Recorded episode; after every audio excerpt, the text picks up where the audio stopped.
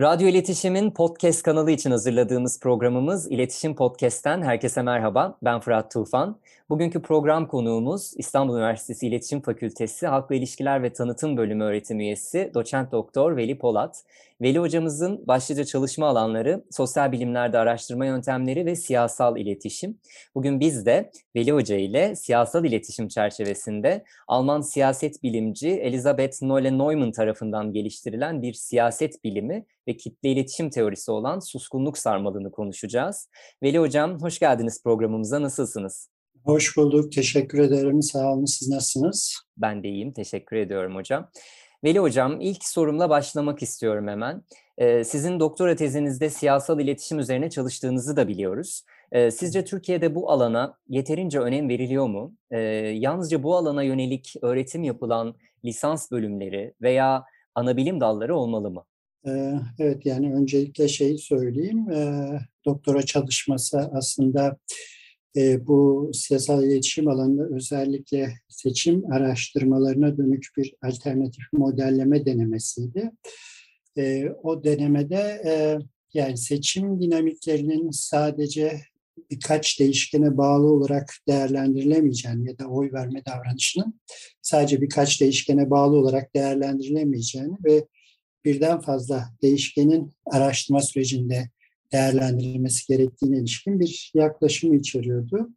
Türkiye'de e, siyasal iletişime yeterince önem veriliyor mu? Aslında sesi gürültüsü çok fazla, öyle diyebiliriz. Oldukça e, fazla patırtısı gürültüsü olan bir alan. Ancak buna e, akademik anlamda ya da e, ne diyelim derinlikli bir bakış açısının ya da ayakları yere basan bir tabloyla karşı karşı olduğumuzu söyleyemeyiz. Yani kendisini siyasal iletişimci olarak tanımlayan ya da bu alanda emek veren, çaba gösteren isme rastlıyoruz ama e, bunun e, yeterince beklenen düzeyde nitelikte olduğunu söylemek güç işin açıkçası. Bunun birkaç sebebi var. Bu sebeplerden bir tanesi bu alan yani e, akademik altyapı olarak da çok fazla oturmuş bir alan değil e, ve yeni yeni filizlenmeye başlayan bir alan. Dolayısıyla alandaki bu darlık ya da yetersizlik doğal olarak e, bu alanda e, çaba göstermeye çalışanların da beklenen düzeyde verimli ya da nitelikli e, bir açılım geliştirmelerini engel oluyor diye düşünüyorum. Çünkü aslında sanıldığı kadar hani politika bilimini çok çok eskilere göndermek ya da dayandırmak mümkün ancak özellikle bu sürecin e, kırılma anının İkinci Dünya Savaşı'ndan sonra yaşandığını söylemek gerekiyor ve İkinci Dünya Savaşı sonrası özellikle yönetme erkini elinde bulunduranların kamusal politikalar üretme sürecinde e, daha iyi nasıl ikna edebilirim sürecine dahil olmaları nedeniyle e, akademiye fazlasıyla ilgi göstermeye başladılar ki bu işbirliği siyasal iletişimi aslında hem siyaset bilim açısından hem de siyasal iletişim açısından düşündüğümüzde ara kesit bir alanın e, tanımlanmasına doğru bir yolculuğun başladığını söyleyebiliriz ve bu ara kesit alanda eklektik bir yapıdan söz ediyoruz. İşte işin içerisine sosyoloji giriyor, işin içerisine antropoloji giriyor, işin içerisine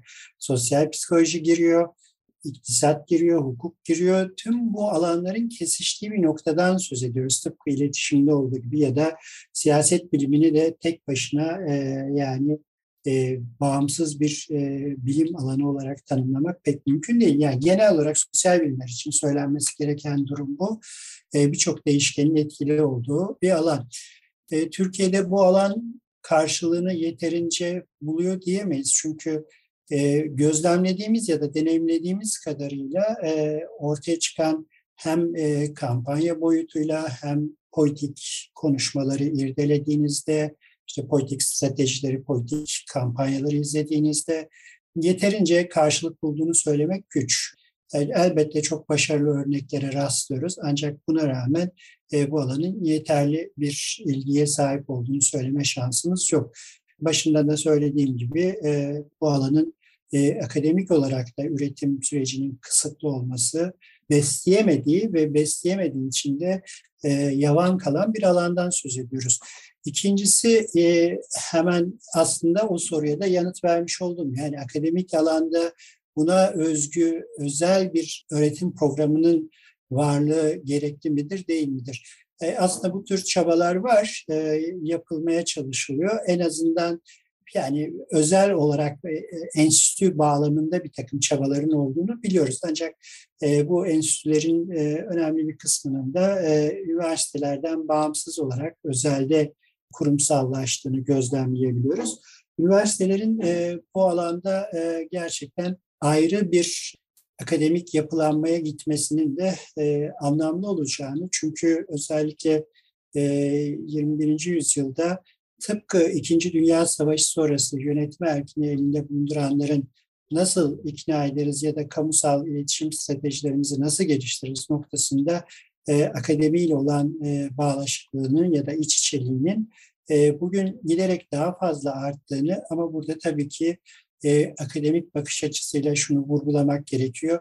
Etik kodların, etik e, ilkelerin sıkı sıkıya bağlı kalındığı, e, ilkelere sıkı sıkıya bağlı kalındığı bir anlayışın hükmetmesi gerekiyor ki bunun da kanaatimce üniversite çerçevesinde ve üniversitenin e, e, bu sürece disiplinli bir şekilde el atmasıyla mümkün olabileceğini düşünüyorum.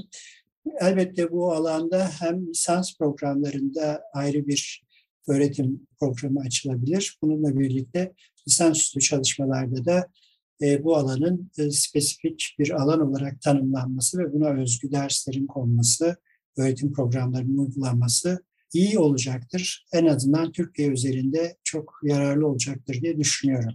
Evet etik yaklaşımın, etik kodların akademi bünyesinde biçimlenmesi, şekillenmesi çok önemli söylediğiniz gibi. Bir yandan siyasal iletişim, disiplinler arası çalışmanın çok da göbeğinde. Siz de bir diğer taraftan sizin de çalışma alanınız, aynı zamanda derslerini de verdiğiniz bir de bilimsel araştırma yöntemleri var. Bu alanda yani siyasal iletişim alanında yapılacak olan çalışmalarda bilimsel araştırma yöntemleri açısından nelere dikkat etmek gerekiyor? Yani hangi araştırma yöntemleri bu alana sizce daha uygun ya da hangileri bu alanın daha uzağında tutabiliriz? Bu konudaki görüşleriniz ve tavsiyeleriniz nelerdir hocam?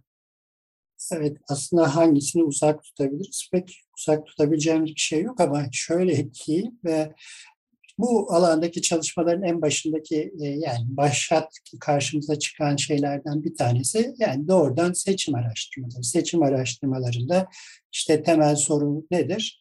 Kime oy vereceksiniz, hangi partiye oy vereceksiniz şeklinde biçimlenen araştırmalar. Yani son itibariyle bu bir saha çalışması, alan çalışması.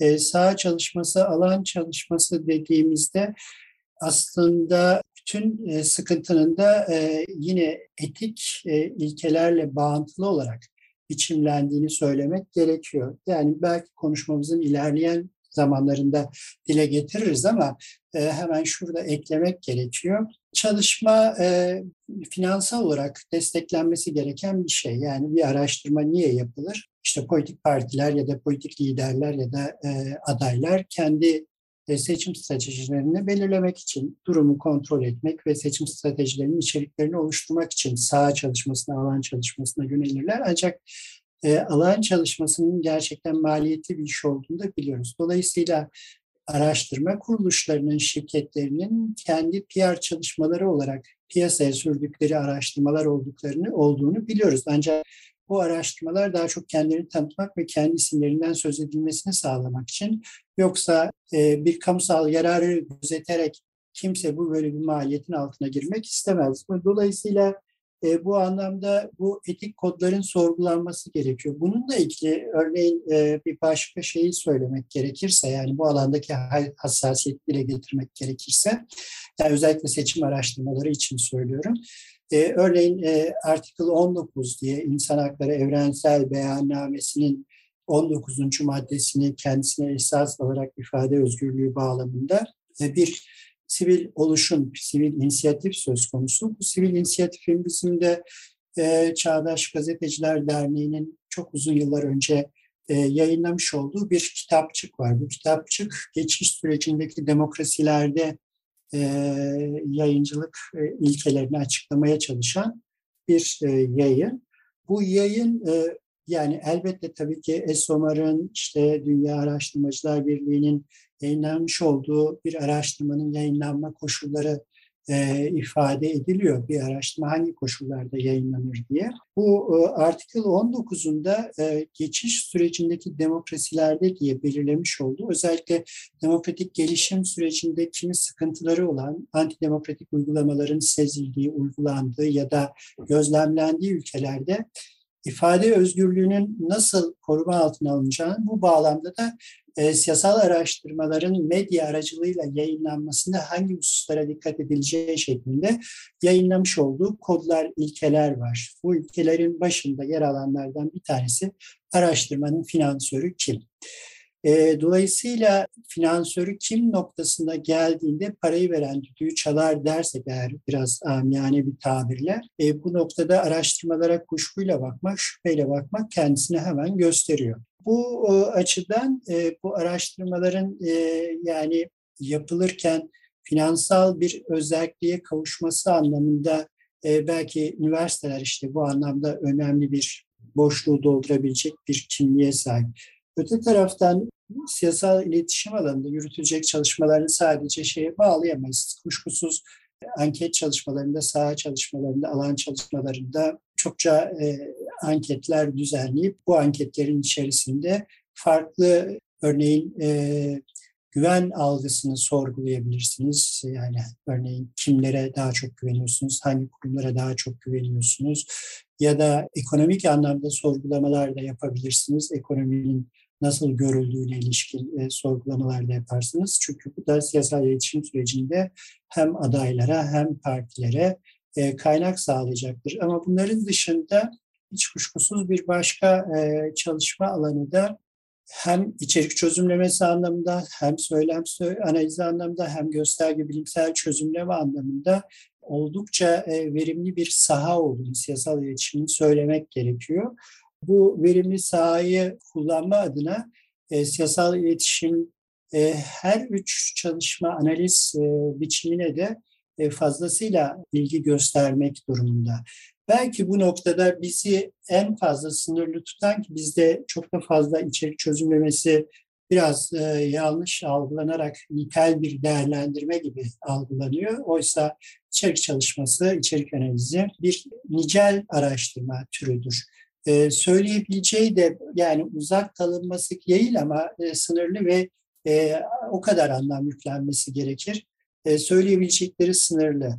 E, dolayısıyla e, örneğin meclis açılış konuşmalarında yasama yılının başlangıcında bir cumhurbaşkanı çıkıp kürsüde konuşuyorsa mecliste burada kategorik olarak yapacağınız içerik çözümlemesine diyebilirsiniz ki konuşma metni ağırlıklı olarak e, işte liderin, Cumhurbaşkanı'nın mesleki kimliğiyle bağıntılı olarak ağırlıklı olarak işte iktisat üzerine odaklanmış ve iktisat sözcüklerinin, kavramlarının fazlasıyla yer aldığı bir konuşma deyip bitirebilirsiniz. Ama bunun söylem analizine tabi tuttuğunuzda tablo çok daha farklı e, bir tablo ortaya çıkacaktır. Dolayısıyla bu noktada içerik analizinden söylem analizine doğru kayan, bununla birlikte gösterge bilimsel çözümlemeyle analizi de içerecek bir anlayışla yürümenin e, çok daha yerinde olacağını düşünüyorum işin açıkçası. Gösterge bilimsel analizle ilgili aslında bir örnek vermek yerinde olacaktır. Tabii yani biz işi teknik boyutuyla değerlendiriyoruz ama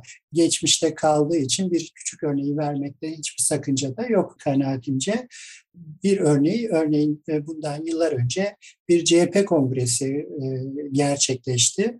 E, biz biliyoruz ki bu özellikle siyasal iletişim kampanyaları son süreçlerde Amerikanlaşması kavramıyla yani Amerikanlaşan bir kampanya düzeninin varlığından söz ediyoruz.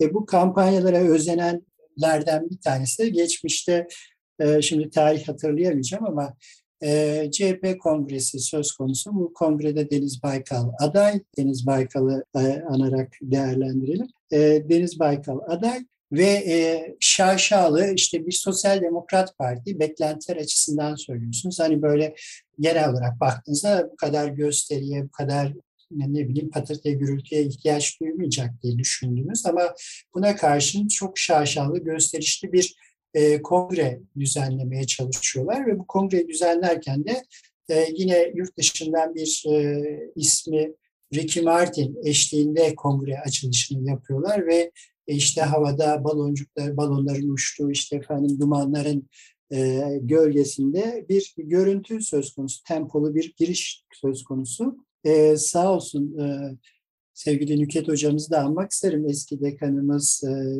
gösterge bilim alanında, dil bilim alanında en değerli isimlerden bir tanesi. Konuşurken yorumlamış da çok da böyle hoşumuza gitmişti. Kürsüye gelirken Baykal e, kürsüde merdivenlerden inerek e, bir platformda e, daha doğrusu platforma yüksekten bir merdivenden aşağı doğru inerek kürsüye ulaşmıştım. E, hocamızın yorumu çok iyi olmuştu. Bize o zaman konuşuyorduk, aramızda değerlendiriyorduk.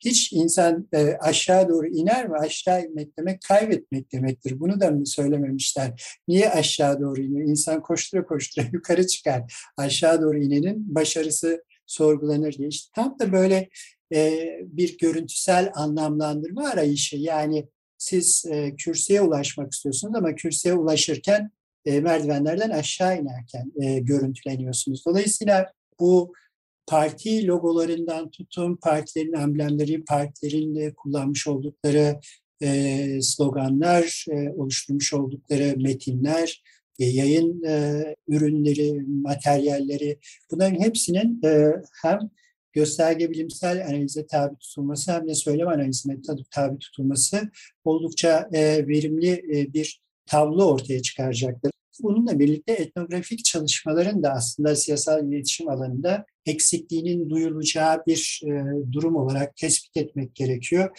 Etnografik çalışmaların da her ne kadar göz ardı ediliyorsa da bunların da ben siyasal iletişim alanında çok katkı sağlayacağını düşünüyorum maalesef çok fazla dikkat etmediğimiz, göz ardı ettiğimiz e, çalışma alanlarından bir tanesi etnografik çalışmalar.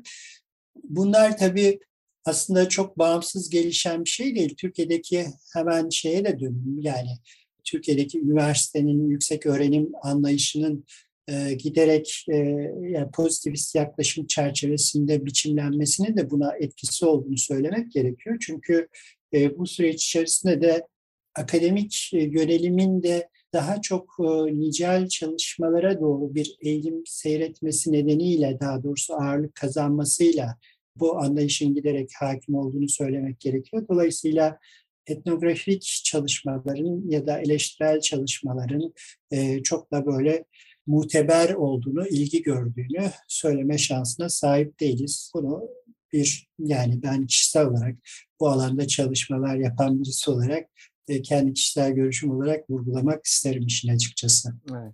Tam da bu sebeple aslında bizim en çok maruz kaldığımız, gördüğümüz bir saha çalışması olarak aslında dediğiniz gibi anketler yapılıyor seçim araştırmaları için ya da kamuoyu araştırmaları için.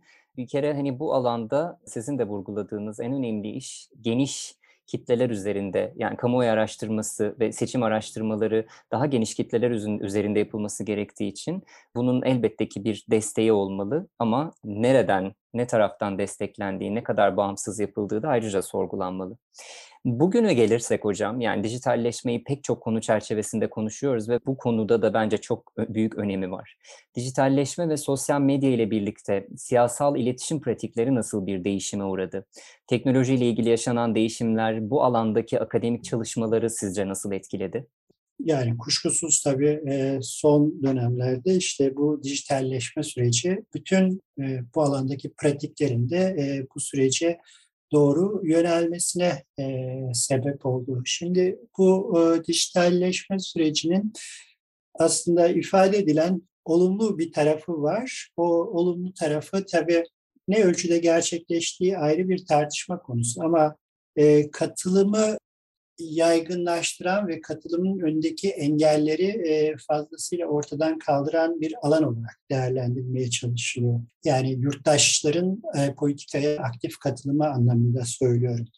E, kuşkusuz bu yani politikayı bir ne diyelim meslek olarak edinmiş olanların zaten bilinçli ve çok kontrollü bir şekilde e, yürüttükleri dijital alanda çalışmalar söz konusu. Ama e, işin yurttaşın politikaya katılımı açısından söylersek bu dijitalleşme evet gerçekten e, demokratik katılımın e, gerçekleşmesi anlamında önemli bir e, kavram olarak karşımıza çıkıyor. Ancak deneyimler gösteriyor ki bu o, yaygınlaşma anlamında özellikle ekonomik düzeye bağlı olarak farklılaştığını söylemek gerekiyor. Neden derseniz yani e, bugün yani işte örneğin aşı meselesi tartışılıyor. Aşıyla ilgili mesela e, artık aşının yaygınlaşması noktasında özellikle parasal olarak aşıya ulaşamayanların e, önündeki engellerin kaldırılması. Bu da tıpkı aslında şey için de geçerli.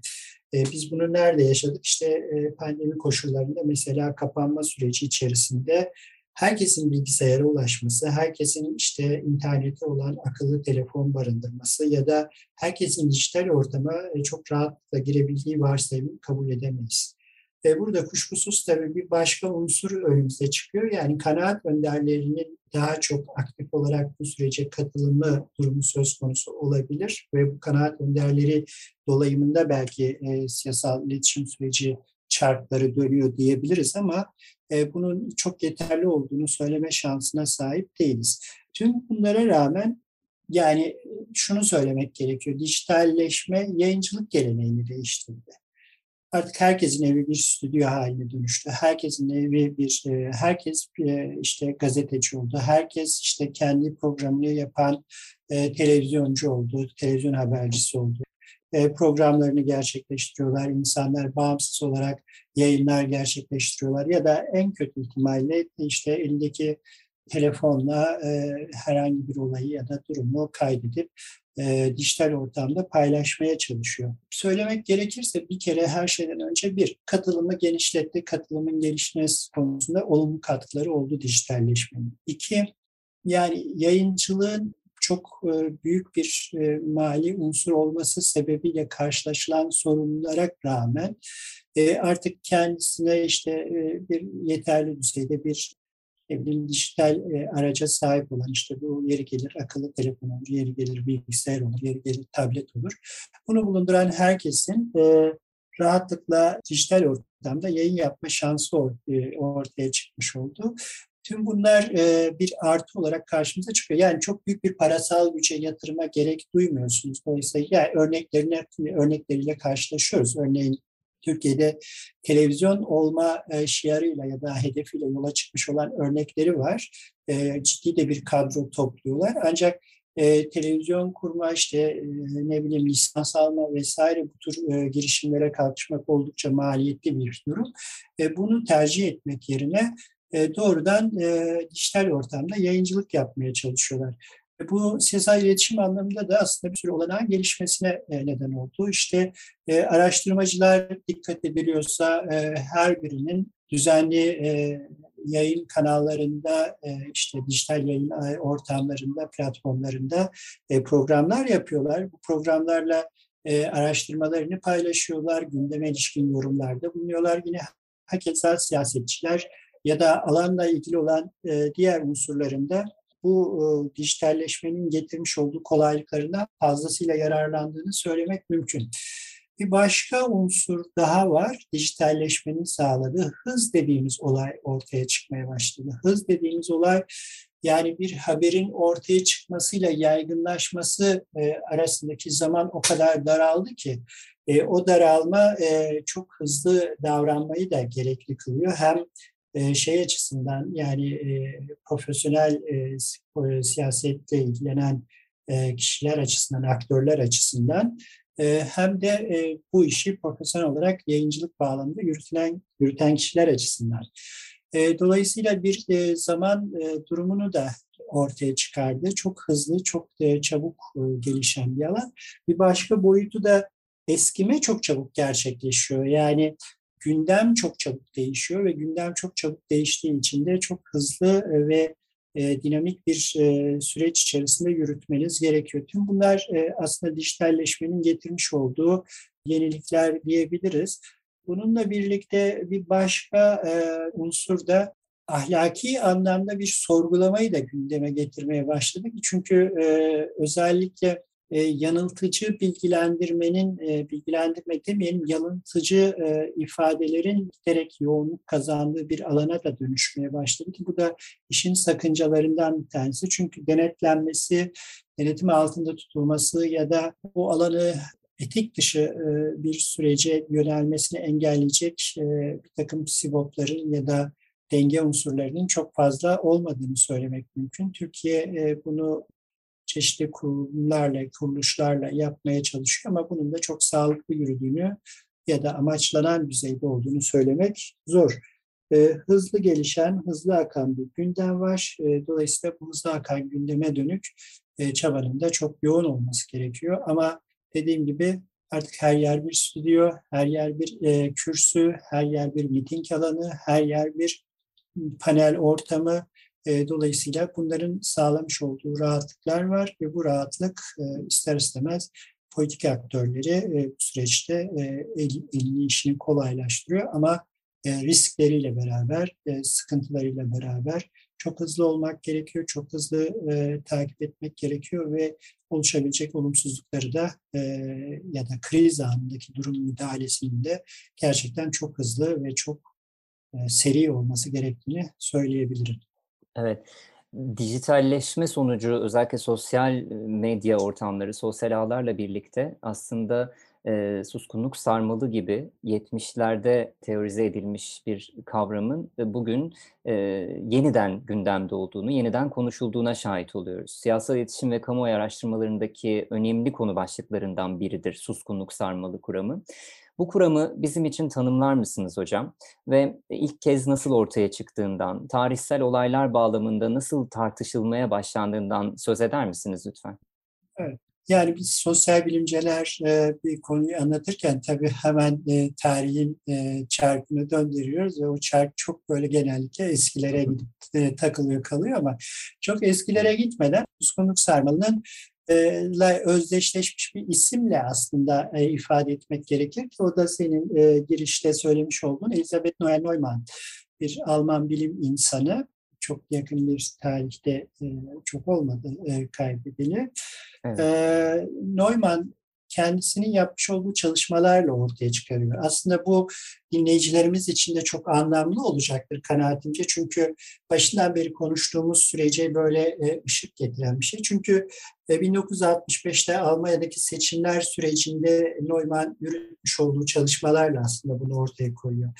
E, orada da şunu söyleyeyim. Ben hani çalışmanın finansörü kim, araştırmanın finansörü kim sorusunu söylemiştim. Hemen buna bir ekleme yapayım vakıflar ya da çeşitli e, kuruluşlar tarafından yürütülen çalışmaların da aslında çok böyle e, nesnel, tarafsız olduğunu söyleme şansımız yok. Bu tarafgirlik konusunda çok net bir şekilde söylemek gerekiyor. Yani vakıflar e, yani vakfedilmişti düşündüğümüzde yani e, kamusal yarar çerçevesinde hareket eden kurumlar diye düşünüyorsunuz ama bu vakıfların da bir ideolojik boyutunun olduğu, bir ideolojik tarafın olduğunu söylemek gerekiyor. Yine e, söylemiş olduğum gibi mesela çeşitli özel enstitüler şeklinde örgütlenmiş yapılar var. Bunlar aslında düşünce ikliminin ya da düşünce ortamının e, daha doğrusu e, kanaatlerin biçimlenmesi noktasında e, manipülatif sürece e, bir aracı olmak niyetiyle e, ortaya çıkan e, yapılar aslında genellikle. Kuşkusuz bunun ötesinde olanlar da var ama böyle çok safiyane bir yaklaşımda ideolojik olmadıklarını ya da tarafsız olduklarını söyleme şansımız pek yok. Ee, tekrar Neumann'a dönersek Neumann da aslında muhafazakar yakınlık açısından Hristiyan demokratlar yani şu an Merkel'in e, hani ayrılıyor gerçi 9 Aralık itibariyle sanırım devredecek görevini. Başında olduğu CDU partisinin e, o parti yakınlığıyla bilinen bir şey ve kendisinin de başında olduğu Allensbach Enstitüsü gibi bir enstitü var. E, 1965 yılındaki seçimler sürecinde yürüttüğü çalışmalarla aslında ortaya çıkarıyor. Şimdi e, Elizabeth Noel Neumann e, periyodik olarak çalışmalar e, yürütüyor e, ve bu çalışmalarla işte ilan ediyorlar 65'te bu süreç seçim sürecinde 65 yılı boyunca yani Ocak'tan başlayarak işte seçimlerin yapıldığı Eylül ayına kadar ya da işte Kasım, Eylül işte tam hatırlayamayacağım şimdi. E, o sürece kadar periyodik çalışmalar yapıyorlar ve iki kuruluş birbiriyle e, sonuçlar açısından yarışıyor. Şimdi suskunluk sarmalı sürecine ilişkin söylemek gerekirse iki kuruluştan bir tanesi de yine dünya araştırma alanında bilinen Emnit diye bir e, kuruluş var. Ve bu iki kuruluş e, Elizabeth Noel Neumann'ın aktarımıyla e, o zaman Almanya'nın başkenti olan Bonn'da e, Beethovenhalle diye bir salonda e, kendi araştırma sonuçlarını noter e, huzurunda, noter Daniels'in huzurunda e, açıklayacaklar ve e, aslında bütün şok orada yaşanıyor ve o toplantıda böyle bir eğlence e, ortamı içerisinde çalışmayı açıklarken Neumann daha önce yüzde yani birbirine çok yakın iki SPD ile yani sosyal demokratlarla CDU arasındaki oy farkının çok fazla olmadığını o tarihe kadar ifade ediyor. Ama o günkü açıkladığı şeyde yaklaşık bir yüzde on birlik oy farkı olduğunu ve CDU'nun seçimi kazanacağını ifade ediyor. Bütün toplantı şok halinde, soğuk duş halinde. Siz bu saate kadar hep şey diyordunuz, iki parti at başı diyor, birbirine çok yakın seyrediyor. Nasıl oldu da böyle bir tablo oluştu? Ben böyle çok hızlı ve yoğun konuşuyorum. Fırat e, umarım şey olmuyordur. Son ee, derece e, keyifli ilerliyor hocam. E, Pür dikkat sizi evet, dinliyorum. Dinleyicilerim evet, gibi ben de. Tamam. Ee, şimdi e, herkes tabii şaşırıyor. Nasıl oldu da böyle oldu? Aslında oradaki kilit nokta Elizabeth Noel Norman işte soru formunu düzenlerken soruların içerisine kattığı bir ek soruyla aslında durumu tespit ediyor. O soru da ek soru da şu oy verecek misiniz, vermeyecek misiniz? Özellikle kararsız seçmenler noktasında ki e, seçim sonucunun belirlenmesinde önemli bir kitle olarak karşımıza çıkıyor. Kimin kazanacağını düşünüyorsunuz sorusunu soruyor. Aslında burada bir kanaat soruluyor. Bu kanaat işte temel belirleyen oluyor ve dolayısıyla insanların aklındaki o genel kanaatin yani kimin güçlü olduğuna ilişkin kanaatin özellikle kararsız seçmen üzerinde e, çok yoğun bir etki yarattığını ve kararsız seçmenin oyunun da kazanandan yana biçimlenmesine neden olduğunu ifade ediyor. Buradaki tabii temel etki, e, temel e, tespit, Neumann'ın tespit etmiş olduğu şey toplum sapkın olan bireyleri dışlar. Yani ve dışlamakla da tehdit eder ve insan da toplumsal bir varlık olarak e, bu toplumun dışlanmasından kendisini koruma altına almak ister ve bu e, bağlamda e, özellikle bir bütünün parçası olmayı arzu eder ve burada e, dışlanmayı göze almayarak genel kanaatin yönünde bir tavır sergiler. İşte e, burada e, seçimin başından beri yapmış olduğu sorgu, daha doğrusu araştırmaların başından beri yapmış olduğu sorgulamalarda e, Neumann'ın tespit ettiği şey seçmende özellikle Hristiyan demokratların CDU'nun kazanacağı yönünde bir eğilimin giderek çok başat bir şekilde kendisini gösterdiğini fark edince e, bu tablonun yansımasının e, CDU lehine sonuçlar doğuracağını tespit ediyor ve gerçekten de haklı çıkıyor. E, ve e, burada tabii zamanın ruhu dediğimiz o fikirsel iklime de çok çok dikkat çekiyor. E, baskın olan düşünce neyse, hakim olan düşünce neyse e, özellikle kanaatlerini açıklamaktan çekinen insanların bu e, genel tavır tutum içerisinde e, güçlü olanlar yana tavır e, sergilediğini ifade etmeye çalışıyor.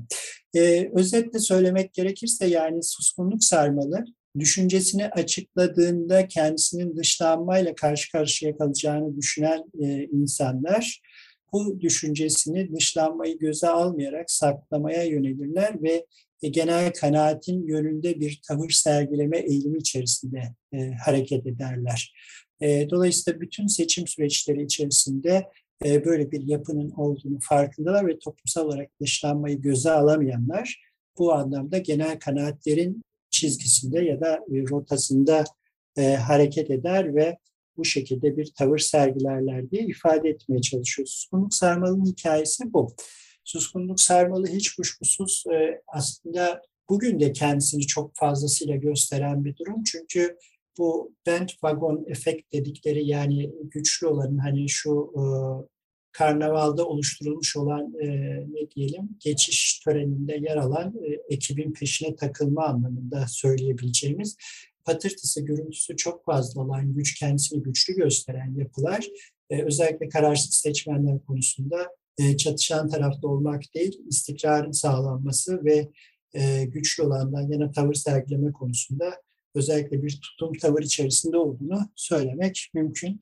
E, bugün de bunun çok sık kullanıldığını ve bunun farkında olan politik aktörlerin işte medyada görünürlüğü çok güçlü oldukları, kazanacakları yönündeki algıyı sürekli yüksek tutmaya çalıştıklarını söyleyebiliriz ki e, siyasal iletişim sürecinde önemli e, bir e, argümanı olarak karşımıza çıkıyor. Suskunluk sarmalının ilk teorize edildiği o işte 60'ların sonu 70'li yıllarda en büyük enstrüman medya ve aynı zamanda yapılan kamuoyu araştırmalarıydı. İnsanların genel kanaatlerinin ne yönde olduğunu ortaya çıkarmak, gösterebilmek adına. Bugün bambaşka bir ortamla karşı karşıyayız. Takdir edersiniz ki Veli Hocam e, teknolojik gelişmelerle birlikte değişen bir medya yapısı var. Sosyal medya büyük bir gerçeklik olarak karşımızda duruyor ve akademide suskunluk sarmalının belki de yeniden gündeme gelmesi ve muhtemelen eskisine göre daha fazla yayınlarda görüyor olmamızın bir sebebi de sosyal medyanın kendi karakteri, kendi yapısı ve tam da bu konu üzerinde sahip olduğu bir takım dönüştürücü güç. Siz bu etkiyi nasıl değerlendirirsiniz? Sosyal medyayla ilişkilendirerek? Yani sosyal medyayla ilgili yani sosyal medya da işte çok önemli bir alan olarak karşımıza çıkıyor ve dolayısıyla e, süreç içerisinde yani konuşmanın diğer bölümlerinde söyledim. Bu alan çok hızlı değişen, dönüşen bir alan ve e, çok hızlı cevap verilmesi gereken bir alan. Bütün politik aktörlerin bu anlamda ciddi bir e, örgütlenme ve kurumsallaşma içerisine girdiklerini, her e, politik yapının, kurumun bu anlamda bir e, ne diyelim e, sosyal medya başlığı altında bir e, kurumsal yapılanmaya gittiklerini biliyoruz. Yani e, özellikle bu alanda ilgilenen ve bu alana ilişkin bir çaba içinde olduklarını söylemek mümkün. Bu tabii e, dijital anlamda e, söylemek gerekirse e, sözün çok çabuk eskidiği, çok çabuk gündemden düştüğü bir alan ve canlı tutulması gereken ve sürekli beslenmesi gereken bir alan ve 24 saat çalışan bir alan. Örnek vermek gerekirse insanların gece 24'ten sonra yani saat 12'den sonra gece e, ısrarla bu e, gelişmeleri, politik yansımaları ya da tepkileri e, takip ettiklerini biliyoruz. Yani mekan ve zaman kavramı kalmadığını söylemek mümkün bu dijitalleşmeyle birlikte. Dolayısıyla koşulsuz olarak her an bir mesajın, bir iletinin dolaşıma girdiğini gözlemleme şansımız var. E, dijitalleşme böyle bir e, tablo ortaya çıkardı ama bununla birlikte işte e, söylemek gerekirse kiki olmanın yani e, mesela Twitter'da e, söylemek gerekirse bir karşılığı var. Nedir? İşte en çok fazla konuşulan konu. Bu tabii olumlu da olabilir, olumsuz ama sonuç itibariyle baktığınızda yani gündeme getirilmeye çalışılan e, konunun bu söz edilmiş olan platformda yani dijital platformda birinci sıraya yerleşmesi konusunda çok yoğun bir çaba sarf edilip e, en çok konuşulan biz olalım şeklinde düşündüğünüzde aslında e, bunun da bir suskunluk sarmalının yansıması e, olarak yansıdığını söylemek mümkün. Yine hakeza mesela bir başka boyutu tabii bu geleneksel medyada da yapılıyor ama diyelim ki miting alanlarındaki kalabalığın gösterilmesi. O, o da buna benzer bir şey. O kalabalığın ne kadar çok yoğun olduğunu yani yakın tarihte bir örneğini rastladık mesela. E, o miting alanının nasıl e, kalabalık gösterileceği konusunda e, sosyal medyada bu anlamda mevcut olanı deforme edip onu farklılaştırıp sunma gibi bir e, ne diyelim sıkıntısı da var tabii. Ama tüm bunlara rağmen sözünü etmiş olduğumuz suskunluk sarmalının farkındalığını e, dijital ortamda da çok yoğun bir şekilde gözlemleyebiliyoruz. Alanın sürekli mesaja boğulması, sürekli takip edilmesi, sürekli yayın yapılması, e, güçlü olunduğu şeklinde, e, çok başarılı olunduğu şeklinde işte doğru olanın kendilerinin söylemiş olduğunun e, aktarılması noktasında yoğun bir havanın yaratıldığını çok rahatlıkla söyleyebiliriz. Yani şunu söyleyebiliriz aslında değil mi hocam? Geçmişe göre bireysel kanaatlerin daha görünür olduğunu sosyal medya ile birlikte çok net görebiliyoruz ama genel kanaatin ne olabileceğiyle alakalı sosyal medyanın da o manipülasyona açık yapısı nedeniyle öngörmek ve o suskunluk sarmalının kendini tekrar etmesi son derece mümkün. Evet, evet kesinlikle yani hatta bunu daha kolaylaştırdığını, daha mi? daha e, rahat bir hale getirin. Yani e, istismar edilmeye çok açık bir alan ve bunun e, çok daha etkin ve etkili bir şekilde yapıldığını söylemek mümkün. Başından beri söylediğimiz eğer biz e, iletişimin e, aşamalı olarak yürüdüğünü kabul edersek bu e, aşamalı e, geçiş süreci içerisinde de e, yine kanaat önderlerinin özellikle çokça fazla dijital ortamı, sosyal medyayı kullandığını e, eğer genel bir ilke olarak kabul edersek bunun e, çok daha fazla e, etkili sonuçları olduğunu söylemek gerekir. Çünkü sonuç itibariyle daha aktif bir şekilde sosyal medya sürecine katılan ve oradan beslenen kişilerin etkide bulunduğu çevre unsurlara aktardığını da söyleyebiliriz. Dolayısıyla bunun farkında olan politik aktörler ya da politika sürecinde yer almaya çalışanlar çokça fazla çok daha e, belirgin bir şekilde bu alanda varlık göstermeye çalıştıklarını çok rahatlıkla söyleyebiliriz tabii ki. Evet. Veli Hocam e, çok faydalı bir sohbetti. Çok teşekkür ediyorum katkınız için. Ben de çok teşekkür ediyorum. Herkese sabrı ve ilgisi için ayrıca teşekkür ediyorum. Çok sağ olasın. İletişim Podcast'te konuğumuz doçent doktor Veli Polat'la siyasal iletişim çerçevesinde suskunluk sarmalı teorisini konuştuk. Bir sonraki programda görüşmek dileğiyle herkese sevgiler.